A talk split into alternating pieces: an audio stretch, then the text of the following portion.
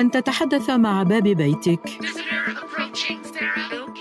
أو تأمر جهازا معلقا على حائط غرفتك فيستجيب.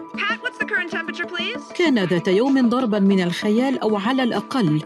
هذا ما اعتقده كثيرون عندما شاهدوا عام 1999 فيلم سمارت هاوس أو المنزل الذكي الذي استمعنا إلى مقتطف منه وهو من إنتاج شركة ديزني. لكن ما كان خيالا تحول إلى حقيقة. ما توقعه الفيلم وصلنا إليه بالفعل. وما كان يبدو مستحيلا في الماضي بات جزءا من الروتين اليومي للبشر. Alexa, how many centimeters are in 10 inches? 10 inches is 25.4 centimeters. التطور التكنولوجي السريع ولا سيما في العقدين الماضيين أتاح التوصل إلى تطبيقات حولت الفكرة إلى واقع. Being with AI is going to completely change what people can expect from search. وعاما بعد عام يواصل التطور التكنولوجي تحقيق نجاحات أشبه إلى المعجزات بفضل تقنية الذكاء الاصطناعي. تقنية يبدو أن لا حدود لإمكاناتها، فإلى أين يمكن أن تقودنا؟ وبأي شكل ستغير حياة البشر؟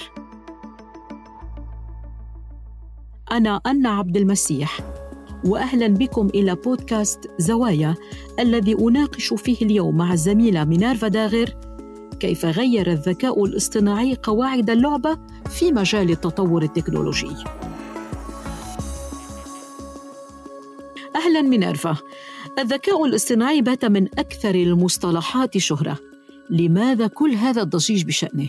لأنه لم يعد مقتصرا على الخيال العلمي بل أصبح حقيقة ابتداء من مساعدتنا في القيادة وتجنب زحمة السير وصولا إلى استخدام مساعدين افتراضيين لمساعدتنا في أداء المهام المختلفة. لنأخذ مثالا سيري مساعدة شركة أبل أو أليكسا مساعدة شركة جوجل. نحن نتفاعل معها كأنها عقل بشري يفهم وينفذ كما أنها تستطيع أن تجيب بمادة صوتية مسموعة. وكأنها فعلا إنسان يتفاعل معنا بدرجة عالية من الذكاء والدقة. كل ذلك بفضل الذكاء الاصطناعي وتطور استخداماته. وما هو الذكاء الاصطناعي؟ يعني ماذا يعني بالضبط هذا المصطلح؟ حسنا أنا طبعا لست خبيره فيه ولكن بعد أسبوعين من البحث في الموضوع يمكنني تبسيط الفكرة بالقول إن الذكاء الاصطناعي هو سلوك وخصائص معينة تتسم بها البرامج الحاسوبية تجعلها تحاكي القدرات الذهنية البشرية وأنماط عملها بإمكاني الآن مثلا أن أسأل سيري عن معنى هذا المصطلح Hey Siri, what's artificial intelligence? Here's what I found from HP.com. Artificial intelligence is a branch of computer science that seeks to simulate human intelligence in a machine. سيري مثلا وهي المساعدة الافتراضية لشركة أبل تتعرف على الصوت لتقديم خدمتها باستخدام الذكاء الاصطناعي. ولكنها بالطبع ليست مثالا على الذكاء الاصطناعي القوي إنما الضعيف لأنها تعمل على نطاق ضيق. أي إنها تجيد أداء مهمة واحدة بشكل جيد. طيب ما هي إذا الأعمال التي يستطيع الذكاء الاصطناعي القوي القيام بها؟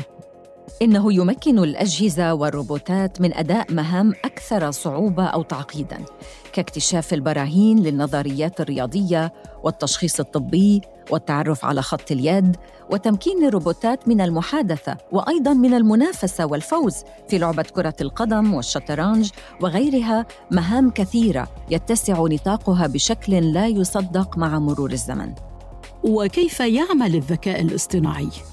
إنه يستند إلى خوارزميات تمكن الأجهزة الرقمية من التفكير واكتشاف المعنى والتعلم من التجارب السابقة.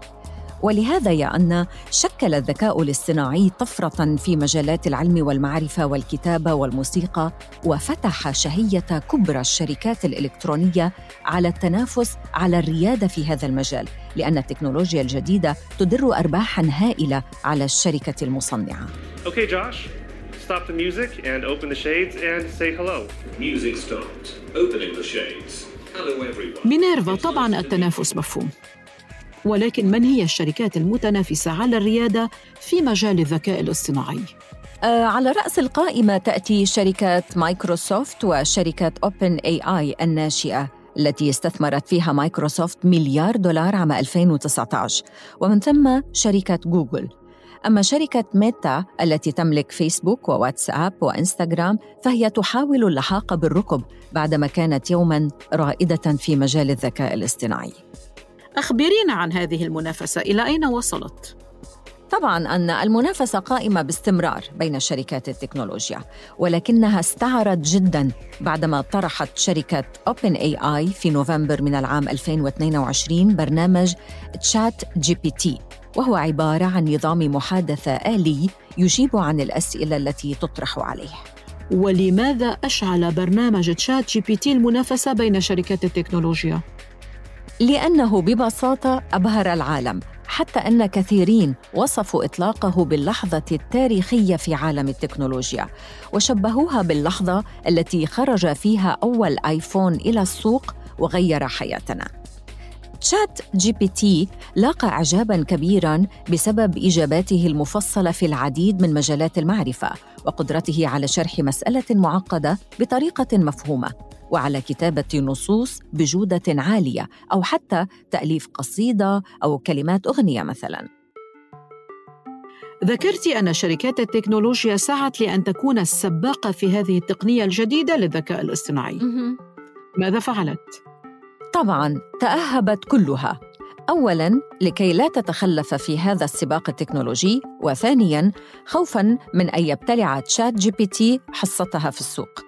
مثلا مايكروسوفت سارعت إلى التعاون مع شركة اوبن اي اي ووسعت استثمارها فيها ليصل إلى 13 مليار دولار على مدى عدة سنوات خصصتها لتطوير برامج تعمل بالذكاء الاصطناعي. وماذا حققت مايكروسوفت من خلال هذا التعاون مع اوبن اي اي أخذت مايكروسوفت من أوبن اي آي أحدث نموذج للذكاء الاصطناعي المستخدم في تشات جي بي تي ودمجته في محرك البحث خاصتها بينج بما يمكن المستخدم من الدردشة مع محرك البحث والحصول على معلومات محدثة. ويتضمن برنامج الدردشة حواشي تذكر المراجع التي استخدمها لكي يدرك الباحث من أي مصادر تأتيه المعلومات. وإضافة إلى ذلك حدثت مايكروسوفت متصفح الإنترنت خاصتها إدج بميزات الدردشة الآلية أي أن الصفحة باتت تتضمن في جانب منها شباك محادثة آلية مع محرك البحث بينج تقصدين أنها دمجت الاثنين معا؟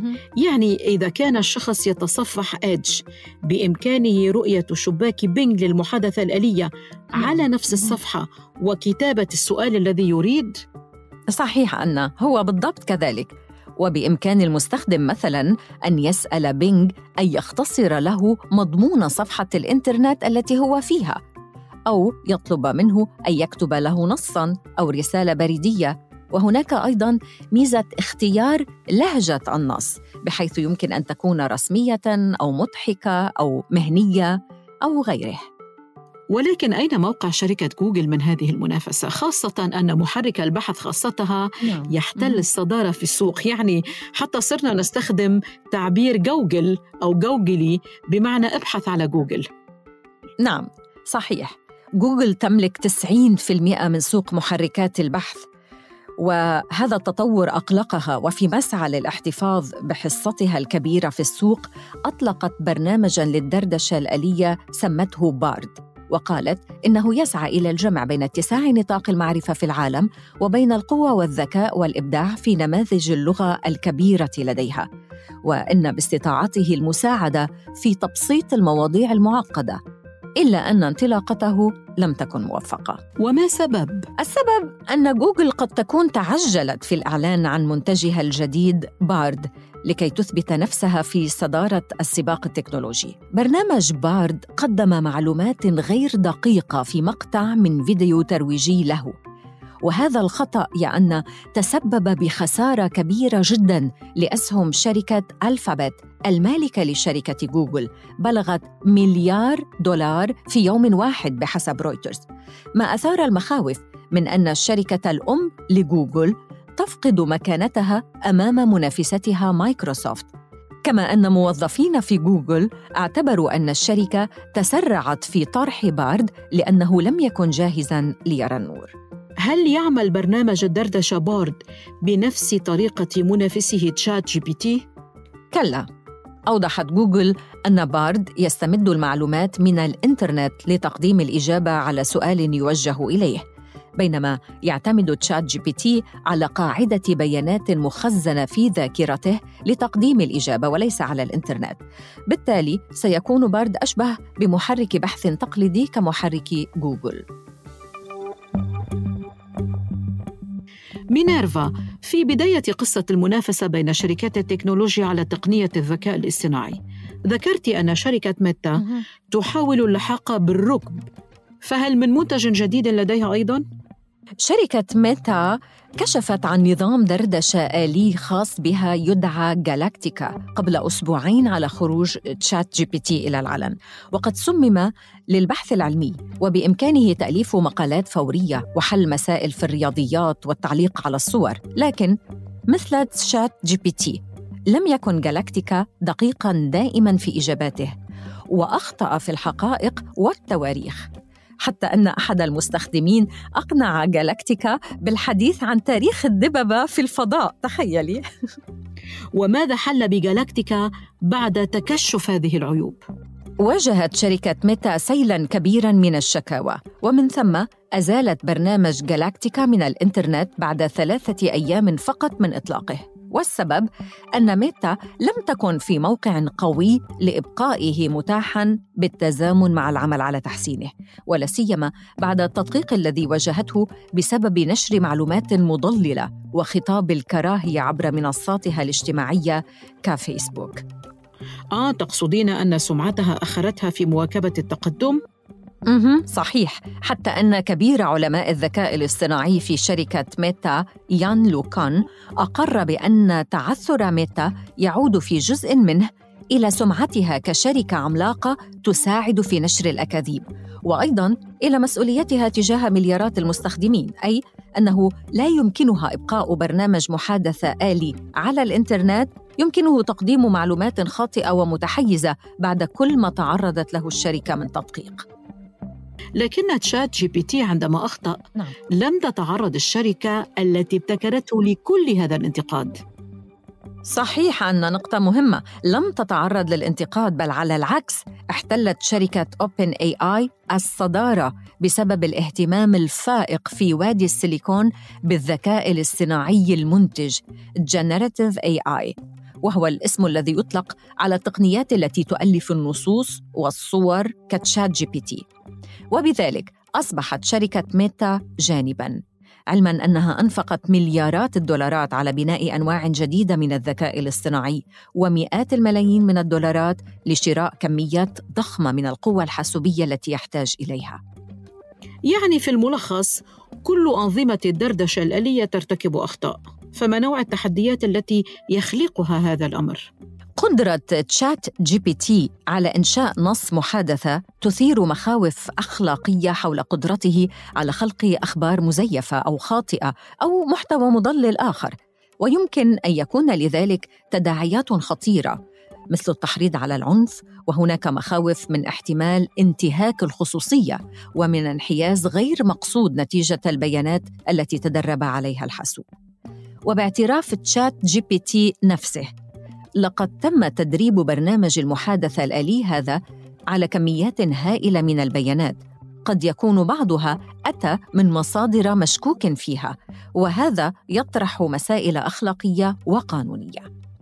لكن هل يمكن لهذه المخاوف من أن تقف في وجه حصولنا على هذه التقنية المتطورة؟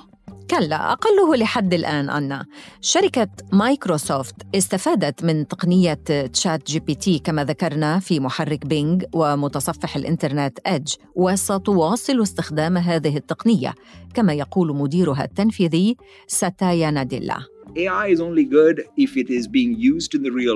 الذكاء الاصطناعي جيد فقط إذا تم استخدامه في العالم الحقيقي لفهم تفضيلات البشر نيتنا هي تقديم هذه الخدمة بأمان مع الإدراك في الوقت نفسه أن التفكير بالأمان هو مسؤولية مستمرة وليست a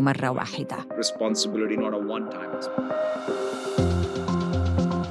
سام ألتمان أحد مؤسسي شركة Open AI عبر عن رأي مماثل there are societal changes that ChatGPT is going to cause or is causing. Um, هو يقر بأن برنامج الدردشة الآلي سيسبب تغييرات في المجتمع قد تؤثر على نزاهة التحصيل الأكاديمي. ويقول إن شركته تعمل مع شركات أخرى لتقييم الوضع. ومع ذلك يرى أنه يجب عدم تأجيل وصول هذه التقنية المتطورة إلى الناس. في ظل هذا السباق في مجال الذكاء الاصطناعي. إلى أين نتجه؟ يعني ماذا ينتظرنا؟ في الحقيقة يا أن يصعب التوقع في ظل النمو المتسارع لهذه التقنية وهو ما أثار مخاوف وتحول إلى كابوس لدى البعض. منذ سنتين ونصف تقريبا رأيت ذلك الكابوس. وحش مرعب. يملأ الأفق. يحكم عالما البشر ليسوا أسياده. هم على الهامش. هذا جزء من بودكاست فصول يحمل عنوان مصنع الروبوتات. يعرض فيه الزميل محمد الشعراوي مخاوف علماء من خروج الذكاء الاصطناعي عن السيطرة واقتراحهم وضع حدود لتعلم الآلة لضمان عدم خروجها عن السيطرة. حلقة غنية تقرأ ما يمكن أن يكون عليه مستقبل البشر والروبوتات. أنصح بالاستماع إليها. شكرا لك مينارفا داغر نتمنى جميعا ألا يتحول الذكاء الاصطناعي إلى كابوس بل أن يبقى في خدمة البشرية. كان هذا بودكاست زوايا. تحياتي لكم أنا أنا عبد المسيح.